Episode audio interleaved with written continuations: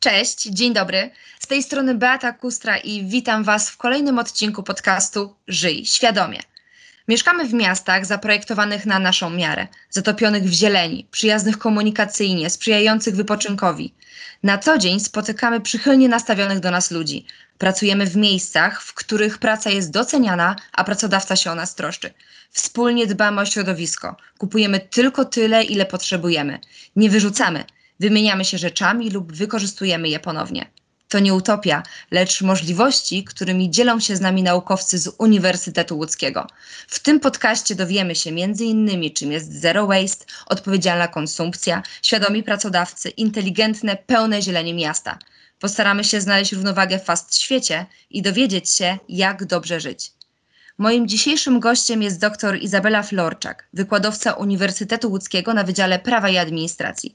Zajmuje się prawem pracy, prawem zatrudnienia i prawem ubezpieczeń społecznych. Dzień dobry pani doktor. Dzień dobry pani redaktor, dzień dobry państwu. Od pewnego czasu przygląda się Pani społecznej odpowiedzialności przedsiębiorstw. Czy mogłaby Pani powiedzieć, co to dokładnie oznacza? E, tak, rzeczywiście od pewnego czasu e, jako badacz prawa pracy mm, zaczęłam, e, że tak powiem, zerkać w stronę społecznej odpowiedzialności przedsiębiorstw. Dlaczego zerkać? Dlatego, że społeczna odpowiedzialność przedsiębiorstw z perspektywy prawa pracy jest tak naprawdę w Polsce tematem na razie niezagospodarowanym. Cóż to jest społeczna odpowiedzialność przedsiębiorstw? Społeczna odpowiedzialność przedsiębiorstw to budowanie takiego biznesu, który jest przyjazny dla środowiska, który jest przyjazny dla społeczeństwa, zarówno tego zewnętrznego, jak i tego społeczeństwa wewnątrz zakładu pracy, czyli dla pracowników. Społeczna odpowiedzialność przedsiębiorstw to w dużej mierze e, działania nastawione na ekologię. I tutaj powoli zmierzamy w kierunku prowadzenia polityki zrównoważonego rozwoju. Można się oczywiście E, zastanowić, w jaki sposób pracodawca może prowadzić politykę zrównoważonego rozwoju i czy jest to zagadnienie, które moglibyśmy e, ująć w ramy prawne. Jeżeli tak globalnie zastanowimy się, czym jest e, zrównoważony rozwój, to na pewno nie jest to zagadnienie stricte związane z prawem pracy. Zrównoważony rozwój jest y, doktryną ekonomiczną, a skoro tak, y, to dlaczego y, osoby, które zajmują się prawem pracy, miałyby się w ogóle tym interesować? O tym powiem, powiem jeszcze trochę za chwilę. Natomiast zrównoważony rozwój łączy w sobie takie dwie, dwie główne płaszczyzny.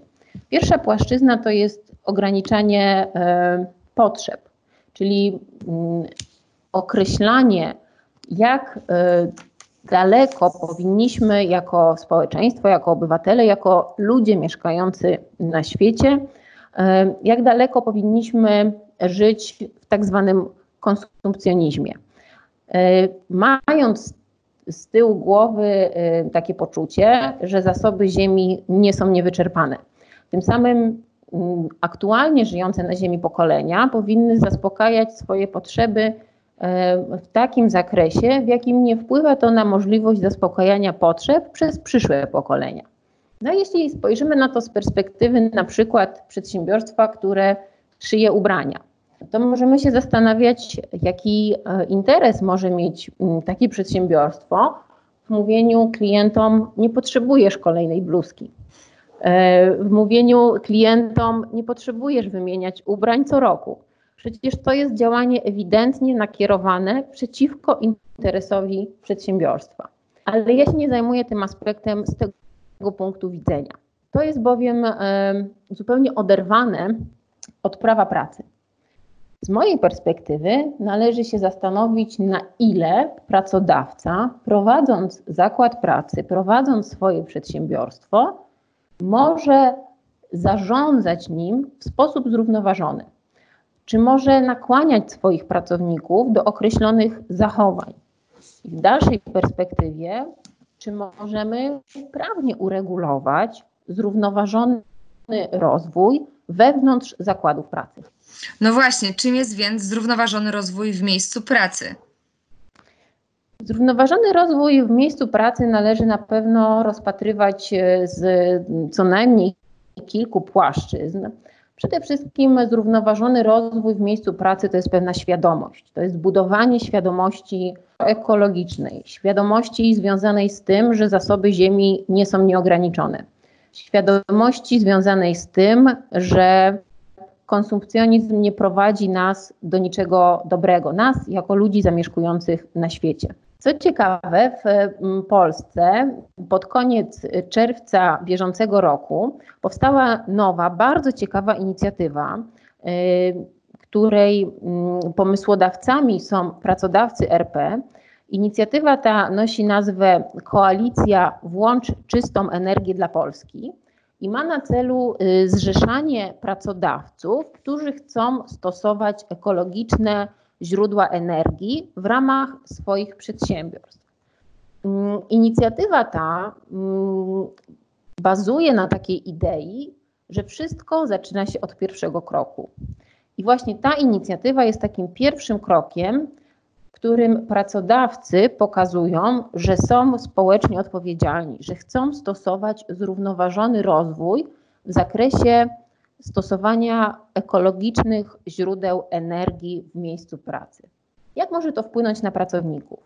Jeżeli pracownicy będą świadomi tego, że ich pracodawca stosuje ekologiczne, odnawialne źródła energii, dużą dozą prawdopodobieństwa można zakładać, że sami zainteresują się tym tematem. Czyli budowanie pewnej społecznej postawy w zakładzie pracy wpływa de facto na nasze postawy w normalnym życiu, w życiu tym poza pracą. Jeżeli e, segregujemy odpady w pracy, prawdopodobnie zaczniemy interesować się tą tematyką i również segregować odpady w domu. Ale czy możemy budować zrównoważony rozwój i politykę społecznej odpowiedzialności bez przede wszystkim uświadamiania ludziom, do czego prowadzi to, w jaki sposób aktualnie eksploatujemy y, naszą planetę? Wydaje mi się, że nie.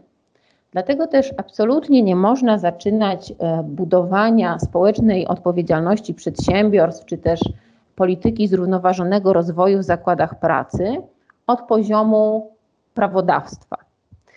Wtedy byśmy po prostu wylali dziecko z kąpielą. Jeżeli nakażemy ludziom określone postawy społeczne, możemy się spodziewać, że obywatele zrobią, e, może nie chcę powiedzieć, że wszystko, ale będą robili wiele, aby określonych nakazów i zakazów po prostu nie, nie stosować. Na pewno e, wiele więcej można osiągnąć edukując. Osoby dorosłe e, najlepiej edukować w tych miejscach, w których spędzają najwięcej czasu, czyli po prostu w pracy. I tutaj ogromna rola pracodawców, aby wychowywać pracowników, ale to też prawdopodobnie działa w dwie strony, bo również pracownicy mogą wychowywać pracodawców. W jaki sposób wszyscy powinniśmy stosować politykę zrównoważonego rozwoju? W jaki sposób może to zrobić przeciętny e, polski pracodawca? Oczywiście to, o czym już wspomniałam, czyli stosowanie ekologicznych źródeł energii, montowanie paneli słonecznych ale na przykład również stosowanie e, półzamkniętego obiegu wody. To znaczy woda, która służy do mycia rąk w zakładzie pracy, może być później wykorzystywana w toaletach. Ale to jest na przykład również taka, wydawałoby się bardzo prosta rzecz, racjonalne, odpowiedzialne zużywanie papieru. Myślę, że to, co na, czego nas nauczyła pandemia, to to, że nie musimy drukować każdego dokumentu. Zaczęliśmy pracować na dokumentach zdalnie. Przestaliśmy drukować jednostronnie stosy papieru.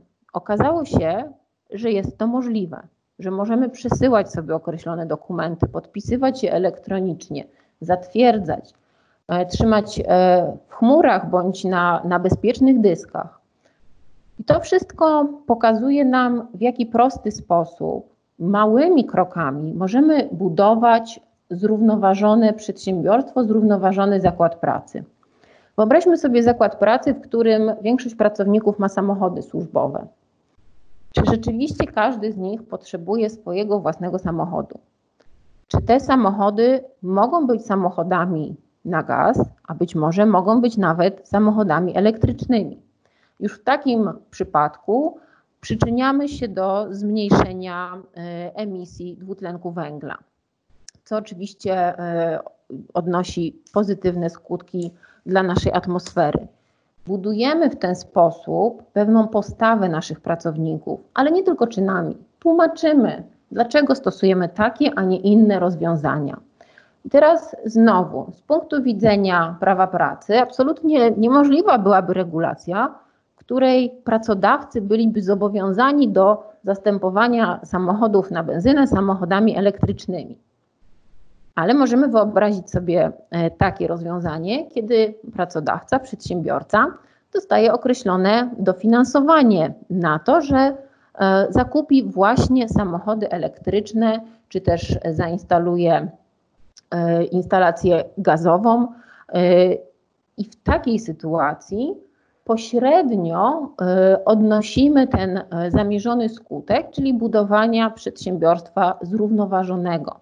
Przedsiębiorstwa, które oczywiście e, z racji swojej działalności jest nastawione na zysk, ale ten zysk zaczyna się racjonalizować. Z tego, co mówi pani doktor, wynika, że każdy pracodawca może prowadzić politykę zrównoważonego rozwoju, ale czy naprawdę każdy?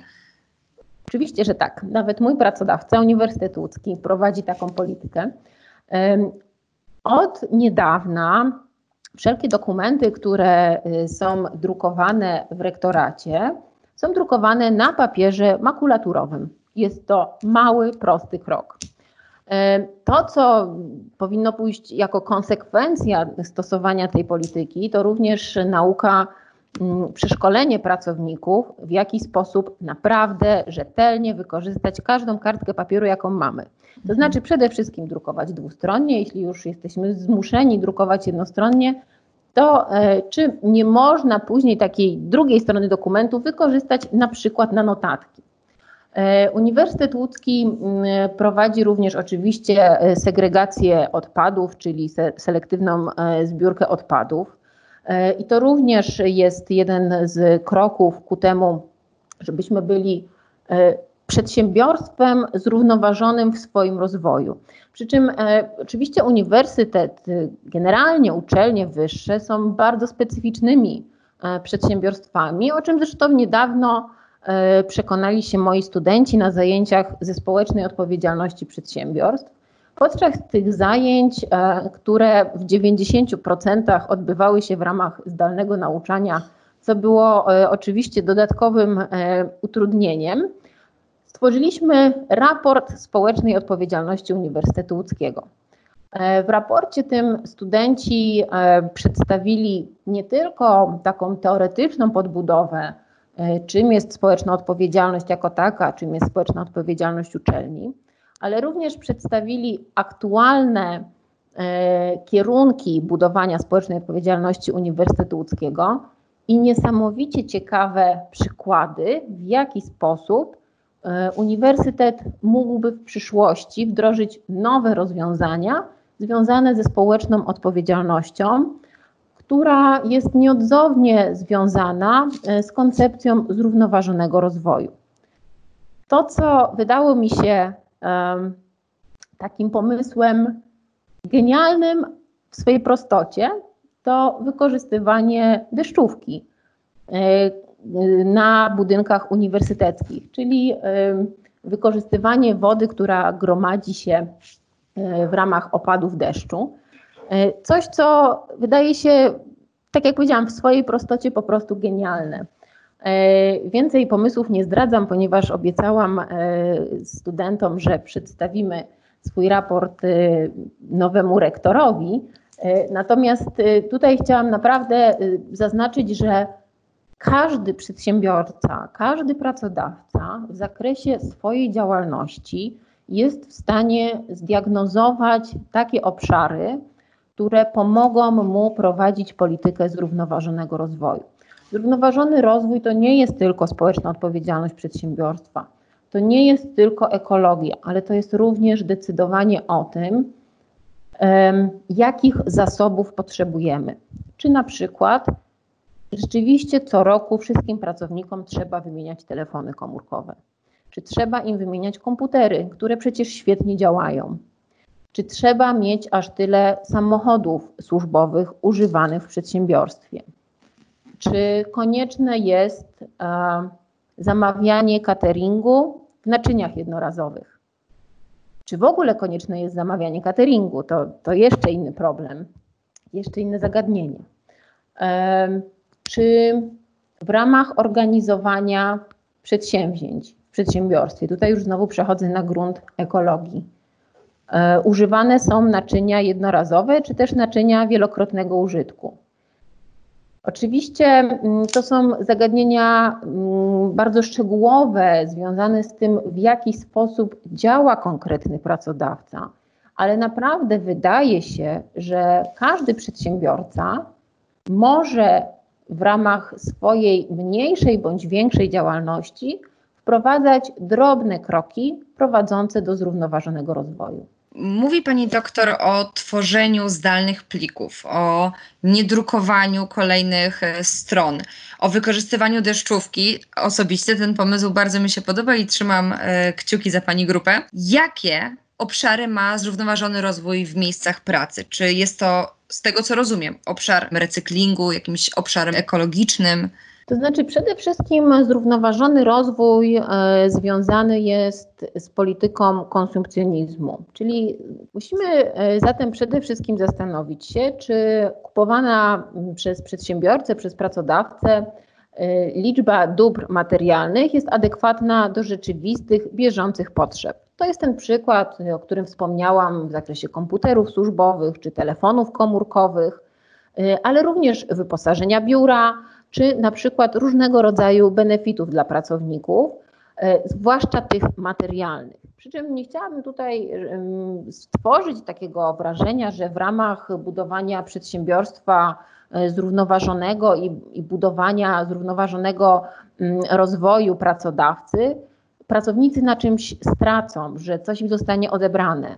No nie, bo skoro mam telefon komórkowy, który nadal działa, to jaki jest cel kupowania kolejnego? Jeżeli mój komputer służbowy nadal działa, to działa dobrze, to po co kupować kolejny?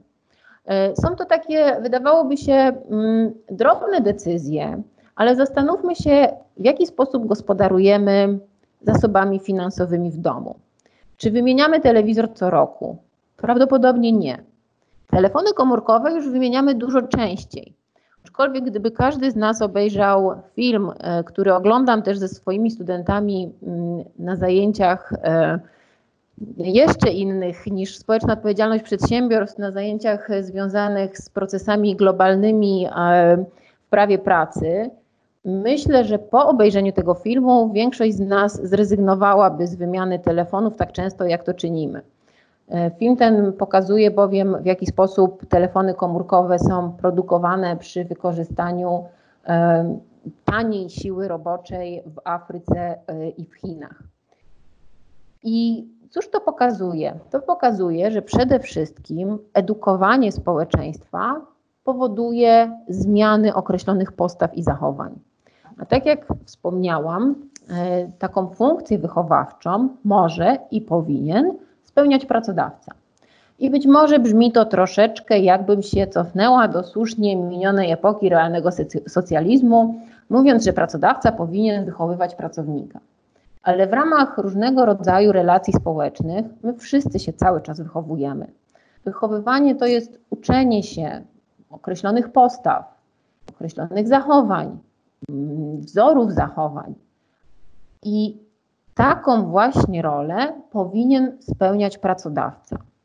Ale żeby egzek móc egzekwować pewne postawy, to sam pracodawca powinien móc się pochwalić określonymi działaniami. Tylko znowu, mm, chciałabym też być tutaj dobrze zrozumiana. Nie chodzi mi o działania na pokaz. Bardzo często społeczną odpowiedzialność przedsiębiorstw postrzega się właśnie jako działania na pokaz. E, działania e, proekologiczne, prospołeczne, które de facto odbierane są jako część kampanii marketingowej. Absolutnie nie mam na myśli tego typu działań. Jak pani doktor już przyznała, pani pracodawca, czyli Uniwersytet Łódzki, wprowadza politykę zrównoważonego rozwoju. A czy wie pani, jak to obecnie wygląda w Polsce? Czy inni pracodawcy także e, przekazują pewne wartości swoim pracownikom? Tak, rzeczywiście Uniwersytet Łódzki podejmuje już pewne kroki, aktualnie głównie nakierowane na społeczną odpowiedzialność oraz na politykę work-life balance. Jeżeli chodzi o polskich przedsiębiorców, to tutaj rzeczywiście na pierwszy plan również wysuwa się e, tak zwany CSR, czyli społeczna odpowiedzialność przedsiębiorstw. Mm, wiele, zwłaszcza dużych e, przedsiębior przedsiębiorstw, dużych pracodawców, e, ma już swoje polityki społecznej odpowiedzialności, z którymi można się zapoznać na ich stronach internetowych, aczkolwiek lektura tych polityk zawsze budzi we mnie mm, taki lekki niepokój, czy rzeczywiście to wszystko w praktyce tak wygląda. Zwłaszcza jeżeli wiem, czym zajmuje się dany pracodawca i w jaki sposób rzeczywiście realnie działa. Myślę, że e, polityka zrównoważonego rozwoju dopiero wkracza do Polski. My jesteśmy cały czas mm, społeczeństwem nakierunkowanym, ukierunkowanym na mm, dość szeroko rozwinięty konsumpcjonizm. Dopiero uczymy się tego, że nie zawsze y, ilość rzeczy, które posiadamy, przekłada się na nasze rzeczywiste szczęście. E, a skoro jesteśmy społeczeństwem, które dopiero uczy się takich postaw, to również nasi przedsiębiorcy dopiero uczą się E, kreowania polityki zrównoważonego rozwoju. Myślę, że jest tutaj ogromna praca do zrobienia, żeby wytłumaczyć przedsiębiorcom, pracodawcom, że zrównoważony rozwój nie polega na tym, że ich przedsiębiorstwa mają stracić jaką, jakąś część zysku. Bo tak może to być postrzegane. To, to jest ten przykład, o którym mówiłam na początku, czyli przykład związany z tym, że skoro zrównoważony rozwój e, prowadzi do zmniejszenia E, konsumpcjonizmu i potrzeb nabywców, to w którymś momencie odbije się to negatywnie mm, na działających przedsiębiorstwach. Ale to tak jak powiedziano e, w ramach koalicji Włącz czystą energię dla e, Polski, przedsiębiorcy, którzy nie będą szanowali zasobów naturalnych, przestaną być przedsiębiorcami, ponieważ zginie ludzkość. E, to jest oczywiście, można by powiedzieć, wizja katastroficzna i wizja, nad którą przedsiębiorca tu i teraz może nie chcieć się zastanawiać, bo cóż go interesuje, co wydarzy się za 50 lat, ale czy na pewno tak jest? Myślę, że jeżeli zaczniemy uświadamiać, pokazywać pewne procesy, skutki naszych działań, skutki tego, jak e, działalność przedsiębiorstw, pracodawców wpływa na na ekologię, na możliwość korzystania z zasobów naturalnych, możemy osiągnąć sukces. Dla mnie kiedyś niemalże e, takiego swego rodzaju katarzis e, była wizyta e, w zoo w Melbourne. Ja nie lubię ogrodów zoologicznych, wolę oglądać zwierzęta żyjące na wolności ale nadarzyła się niepowtarzalna okazja spotkania się na żywo z kangurami. I w tymże ogrodzie zoologicznym była ogromna instalacja pokazująca, w jaki sposób niszczymy drzewa, przerabiając je na papier toaletowy. Od tego czasu nigdy nie kupiłam papieru toaletowego, który nie jest papierem z recyklingu. Nam się bardzo często taki papier y, kojarzy takim okropnym, szarym papierem toaletowym. Takim szkolnym papierem toaletowym. Dokładnie tak. Otóż nie. W 2020 roku można kupić elegancki, biały papier toaletowy z, ry z recyklingu. Potwierdzam słowa pani doktor, ponieważ sama od jakiegoś czasu staram się taką politykę e, wprowadzić także w swoim mieszkaniu u siebie w życiu. No właśnie. A gdybyśmy tak uświadomili ludziom, że spuszczają w toaletach drzewa, gdybyśmy pokazali im film, ile drzew w ciągu ich życia zostaje wyciętych tylko i wyłącznie na papier toaletowy, z którego korzystają. To jest sprawa tak bliska każdemu z nas, że naprawdę jest w stanie przemówić e, do naszej świadomości. I znowu byśmy powiedzieli, drobny krok, ale to właśnie suma drobnych kroków wpływa na osiągnięcie wielkich celów. Ale to jest y, dokładnie tak, jak powiedziała na samym początku pani doktor. Nie uczmy, tylko edukujmy, czyli pokazujmy źródło danego problemu i mówmy o tym wprost, a nie każmy i nie wymagajmy. Wydaje mi się, że e, to jest bardzo ważne, że takiego języka musi nauczyć się pracodawca. Oczywiście, że tak. E, to jest troszkę podobnie jak e, z, ze sławnym RODO, czyli rozporządzeniem o ochronie danych osobowych, które spowodowało, że pracodawcy zaczęli masowo wprowadzać polityki prywatności, polityki zarządzania ochroną danych osobowych. No i właśnie, pytanie jest takie, czy na prowadzeniu czy na ustanowieniu tych polityk się skończyło, czy rzeczywiście określone procedury związane z ochroną danych osobowych są zachowywane. Bo bardzo często jest tak, że w momencie, w którym trzeba na szybko jakiś dokument stworzyć, to papier przyjmie wszystko, nawet ten makulaturowy, zadrukowany dwustronnie. Natomiast to nie o to chodzi. To nie chodzi o działania pozorowane, to chodzi o określone, realne działania.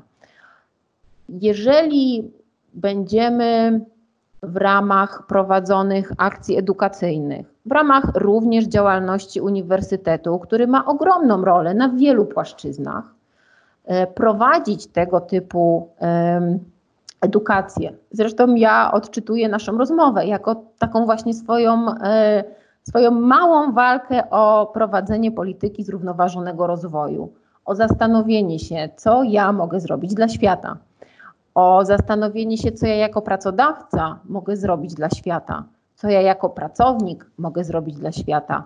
I tego nigdy nie ujmiemy w sztywne ramy kodeksu pracy czy jakiejś ustawy e, uchwalonej w ramach prawa pracy to wszystko rozbija się o określoną politykę społeczną, o budowanie postaw społecznych, które nie mogą być narzucane, bo jeżeli ludziom coś narzu narzucimy, to, yy, no, to wynika z naszej ludzkiej natury, będziemy się temu sprzeciwiać.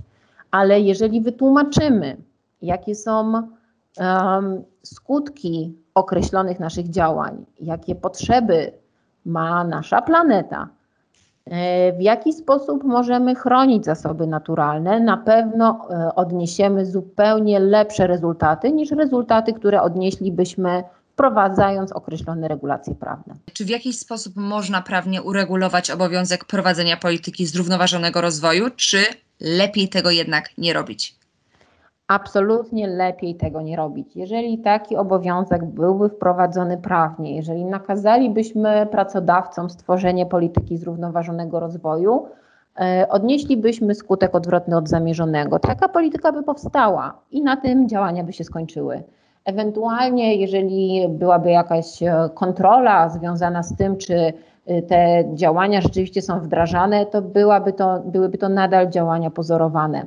Tego typu przedsięwzięcia wymagają przede wszystkim czasu, ale przecież y, ten czas jeszcze mamy. Nie jest tak, że musimy wprowadzać politykę zrównoważonego rozwoju od dzisiaj, od jutra czy od pojutrze. Mamy na to jeszcze trochę czasu, przy czym tutaj podkreślam trochę czasu.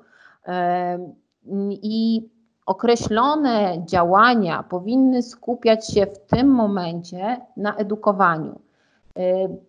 Nie dalej jak wczoraj wyrzucałam śmieci i cóż zobaczyłam e, w zbiorniku na papier. Wiklinowy kosz. Nie wiem, kto go tam wrzucił, nie będę chodziła po sąsiadach i robiła e, śledztwa w tym zakresie, ale zaczęłam się zastanawiać, czy ktoś to zrobił celowo, czy po prostu nie wiedząc, do którego kubła powinien rzucić wiklinowy kosz. Wszystko opiera się zatem o edukację i o świadomość tego, że czegoś nie wiemy. Bo oczywiście można ten wiklinowy kosz e, wrzucić do każdego kubła, nie mając świadomości, że mogę sprawdzić e, w internecie, do którego kosza powinno się tego typu odpad e, wrzucić. Sama sprawdziłam, bo nie byłam pewna, jest to odpad zmieszany. I teraz kolejne pytanie, bo polityka związana z segregacją odpadów w jaki sposób już zagościła w naszej codzienności, aczkolwiek no my się oczywiście cały czas tego uczymy. Byłam szczerze zdziwiona, że wiklinowy kosz jest odpadem zmieszanym, biorąc pod uwagę, jak wiele odpadów jest odpadami zmieszanymi. I nie wiem, czy już jest na to czas, ale mam nadzieję, że za kilka lat będziemy mogli się zastanawiać nad rozszerzeniem tego katalogu e, odpadów, które w tej chwili segregujemy, o dodatkowe. Ale najpierw musimy się nauczyć e, odpowiednio segregować te śmieci, które, które już mamy do, w ramach tych poszczególnych klasyfikacji. I na tym przykładzie widzimy, w jaki sposób niełatwo jest wprowadzać nowe rozwiązania. To wszystko wymaga czasu. Na początku oczywiście jest postawa buntownicza, czyli nie przyjmujemy do wiadomości, że mamy podejmować określone działania, ale z czasem one zaczynają po prostu być częścią naszego życia. I tak samo jest w przypadku polityki zrównoważonego rozwoju, którą zdecydowanie powinni wprowadzać polscy przedsiębiorcy prowadzący zakłady pracy. Nie osiągniemy od razu spektakularnych sukcesów, tutaj nie ma co się oszukiwać, ale metoda drobnych kroków, a przede wszystkim metoda pierwszego kroku, którym w mojej ocenie na pewno jest koalicja pracodawców RP Włącz czystą energię dla Polski. Mam nadzieję, że za tym pierwszym krokiem pójdą kolejne, bo pierwszy krok może być pierwszym tylko jeżeli będą kolejne. Jeżeli tak będzie, jeżeli ta wizja się sprawdzi, mam nadzieję, że w najbliższym czasie pracodawcy zaczną zastanawiać się, w jaki sposób stosować zrównoważony rozwój w ramach prowadzonych przez nich przedsiębiorstw.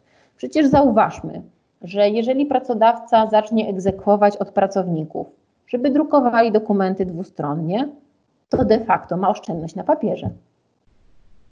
Faktycznie spędzamy bardzo dużo czasu w pracy i bardzo rozsądne wydaje się, aby to pracodawca prowadził politykę zrównoważonego rozwoju oraz to, o czym przed chwilą mówiła pani doktor, czyli o koncepcji work-life balance. Tak, to prawda, ale z tym wątkiem związana jest jeszcze jedna kwestia. Pracodawca może prowadzić politykę zrównoważonego rozwoju i politykę wychowywania pracowników w duchu zrównoważonego rozwoju, pod warunkiem, że ci pracownicy pracują dla niego na stałe. Niestety to, co jest bolączką polskiego rynku pracy, to jest stosowanie na szeroką skalę zatrudnienia terminowego, zatrudnienia tymczasowego i zatrudnienia na podstawie umów cywilnoprawnych. Tutaj już wchodzimy e, w takie twarde prawo pracy i prawo zatrudnienia. Problem, z którym nie możemy poradzić sobie e, od ponad dwóch dekad, przypadku, w którym pracodawca nie ma trwałej więzi z pracownikiem, nie buduje się wzajemne zaufanie pomiędzy stronami stosunku pracy, nie możemy mówić o funkcji wychowawczej. Jeżeli pracownik u danego pracodawcy pracuje relatywnie krótko, nie, nie ma możliwości budowania w nim określonych postaw, również tych społecznych. E, a nie, nie jesteśmy jeszcze na etapie, gdy te postawy są e, po prostu ogólnoakceptowalne i um, mają taki walor aplikacyjności u każdego pracodawcy. Więc nawet jeżeli znajdziemy się u pracodawcy, który określone, e, określone wartości wprowadza i realizuje, to jeżeli pracujemy u tego pracodawcy relatywnie krótko, my sami nie skorzystamy z tego, nie nasiąkniemy tą, tą dobrą energią.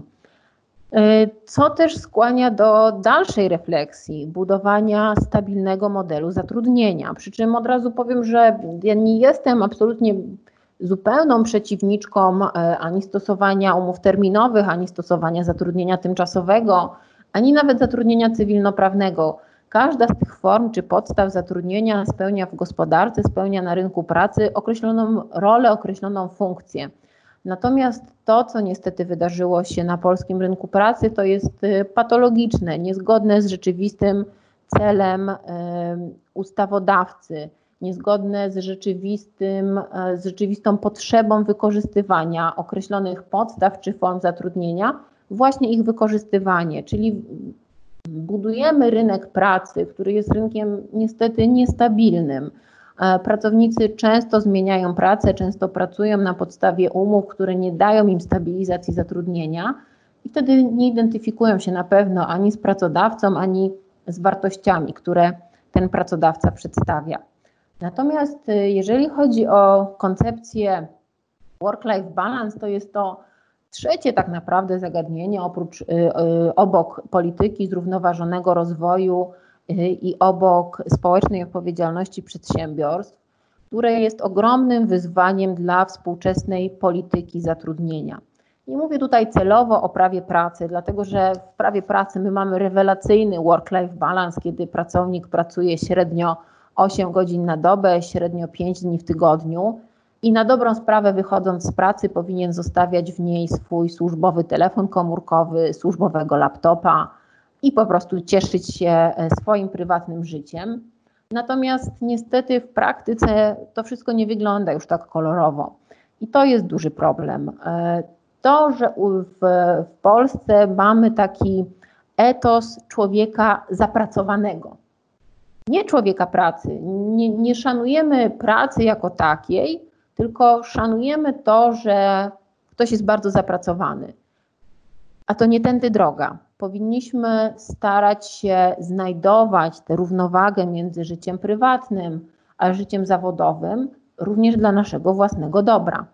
E, człowiek, który jest przepracowany, człowiek, który nie wyjeżdża na urlop, który nie odpoczywa w czasie urlopu, e, który jest w permanentnym stresie, niestety, ale e, nie jest ani wydajnym i dobrym pracownikiem, a na pewno od e, tego typu działania, taki styl życia będzie się w przyszłości odbijał na jego zdrowiu. Niestety my mm, jako społeczeństwo dopiero uczymy się postaw związanych e, z prawidłowym rozumieniem work-life balance, a tak naprawdę może powinniśmy mówić life-work balance, w zależności od tego, co stawiamy na pierwszym miejscu. Mówiąc prosto, to przede wszystkim pracodawcy powinno więc zależeć, aby uświadamiać i wprowadzać koncepcję work-life balance? Oczywiście, że tak, bo dobry pracownik to zadowolony pracownik, a zadowolony pracownik to wypoczęty pracownik. Natomiast niestety tego typu postawy są cały czas marginalne, czyli bardziej doceniamy pracownika, który pracuje po godzinach, wręcz w niektórych korporacjach nie wypada wyjść z pracy o czasie E, co wydaje się w krajach e, naprawdę wysoko rozwiniętych absolutnie niedopuszczalne.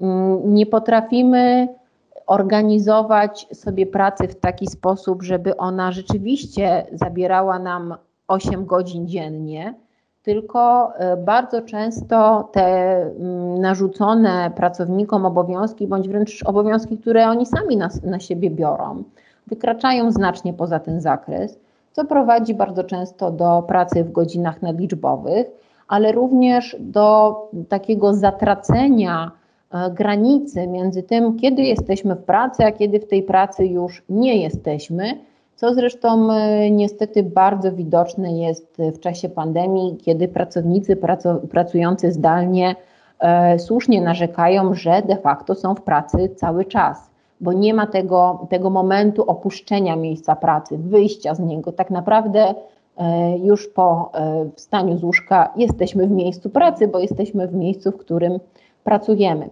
Także nie jest to związane tylko z ilością nałożonych na pracowników obowiązków, ale również z tym, że sytuacja, która nas w tej chwili dotknęła, jest e, bardzo specyficzna i nie każdy potrafi ułożyć sobie pracę w taki sposób, aby rzeczywiście zaczynać o określonej godzinie i o określonej godzinie kończyć. Jest to niestety również e, bardzo często związane z tym, że pracodawcy nie ufają pracownikom, czy, e, czy oni rzeczywiście ten czas pracy wykorzystują na pracę, a z drugiej strony niestety część pracowników nadużywa zaufania pracodawców i czas, który powinien być czasem pracy, przeznaczają na przykład na obowiązki domowe.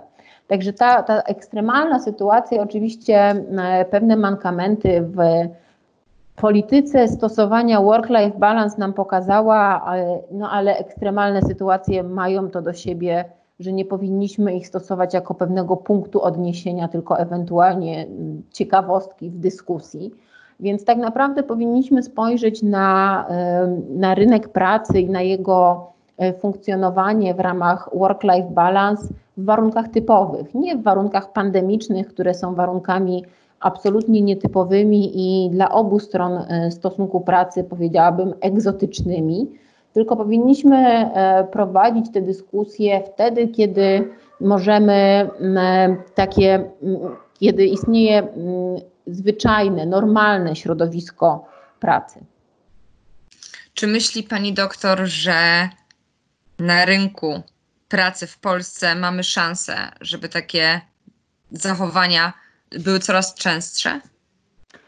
Ja jestem mm, zawsze optymistką, jeżeli chodzi o, y, o, o tego typu, mm, o odpowiedzi na tego typu pytania.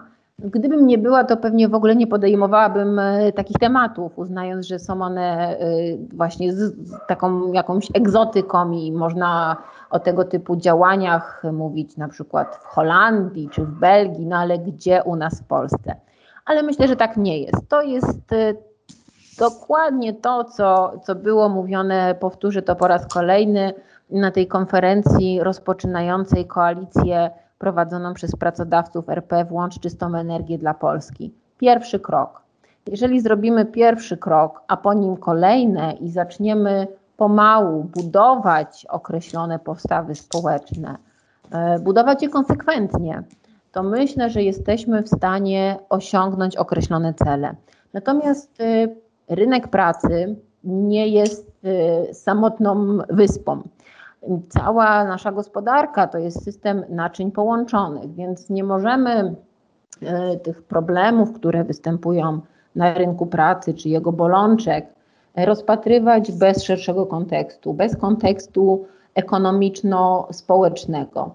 E, w kontekście prawdopodobnie dość dużego wzrostu bezrobocia w niedługim czasie, możemy zastanowić się, czy pracownicy nie będą chcieli w ramach konkurowania na rynku pracy rezygnować ze, ze swojego work-life balance e, i jak w takiej sytuacji powinni zachowywać się pracodawcy, czy powinni to wykorzystywać i czy w jakiś sposób e, ustawodawca może mm, pracowników tak naprawdę chronić przed ich własnymi decyzjami. Wydaje się, że, że jak najbardziej tak, bo prawo pracy E, bardzo często chroni pracowników tam, gdzie oni sami chcieliby się wyzbyć e, określonych swoich uprawnień, właśnie po to, aby nie dochodziło do nadużyć na rynku pracy, ponieważ e, pracownik jest zawsze tą słabszą stroną na rynku pracy, mimo że mówi się od pewnego czasu, że w Polsce mamy rynek pracownika. Zawsze proszę wtedy, żeby taka osoba mi pokazała, gdzie ten rynek pracownika jest. Ja go absolutnie nie dostrzegam bo fakt, że w Polsce można znaleźć jakąkolwiek pracę, nie świadczy o tym, że mamy rynek pracownika. Rynek pracownika występuje wtedy, kiedy pracownicy mogą znaleźć jakościowo dobre, dobre zatrudnienie, a nie jakąkolwiek pracę. E, więc oczywiście to wszystko są e, aspekty bardzo ze sobą połączone, łączące wiele wątków. Z punktu widzenia badaczy są to zagadnienia interdyscyplinarne. E, gdzie powinni współpracować ze sobą ekonomiści, socjologowie, prawnicy, ale również psychologowie, osoby związane z zarządzaniem zasobami ludzkimi e, i tak dalej, i tak dalej. Więc e, myślę, że skoro w ogóle taka dyskusja zaistniała w Polsce, to mam wielką nadzieję, że, że będzie z tego coś dobrego, że Mm, ten pierwszy krok, e, taki mm, pierwszy duży krok, bo to nie jest zupełnie pierwszy krok e, polskich pracodawców zmierzający do osiągnięcia zrównoważonego rozwoju i działań e, w tym aspekcie proekologicznych, ale że ten pierwszy duży krok nie będzie ostatnim, tylko właśnie pierwszym, jednym z wielu. Czyli możemy powiedzieć głośno, pracodawco, zrób pierwszy krok, pracodawco, bądź świadomy i pracodawco, postaw na zrównoważony rozwój, tak? Myślę, że tak. I jeszcze na koniec możemy dodać, pracodawco, robisz to tak naprawdę dla siebie. Dokładnie. Pani doktor, bardzo dziękuję za dzisiejszą rozmowę. Myślę, że i dla mnie, jako dla pracownika, i dla wielu pracodawców, ta dzisiejsza rozmowa będzie bardzo pouczająca. E, moim dzisiejszym gościem była dr Izabela Florczak, wykładowca Uniwersytetu Łódzkiego na Wydziale Prawa i Administracji, a ja już teraz zapraszam Państwa na kolejny odcinek mojego podcastu Żyj Świadomie.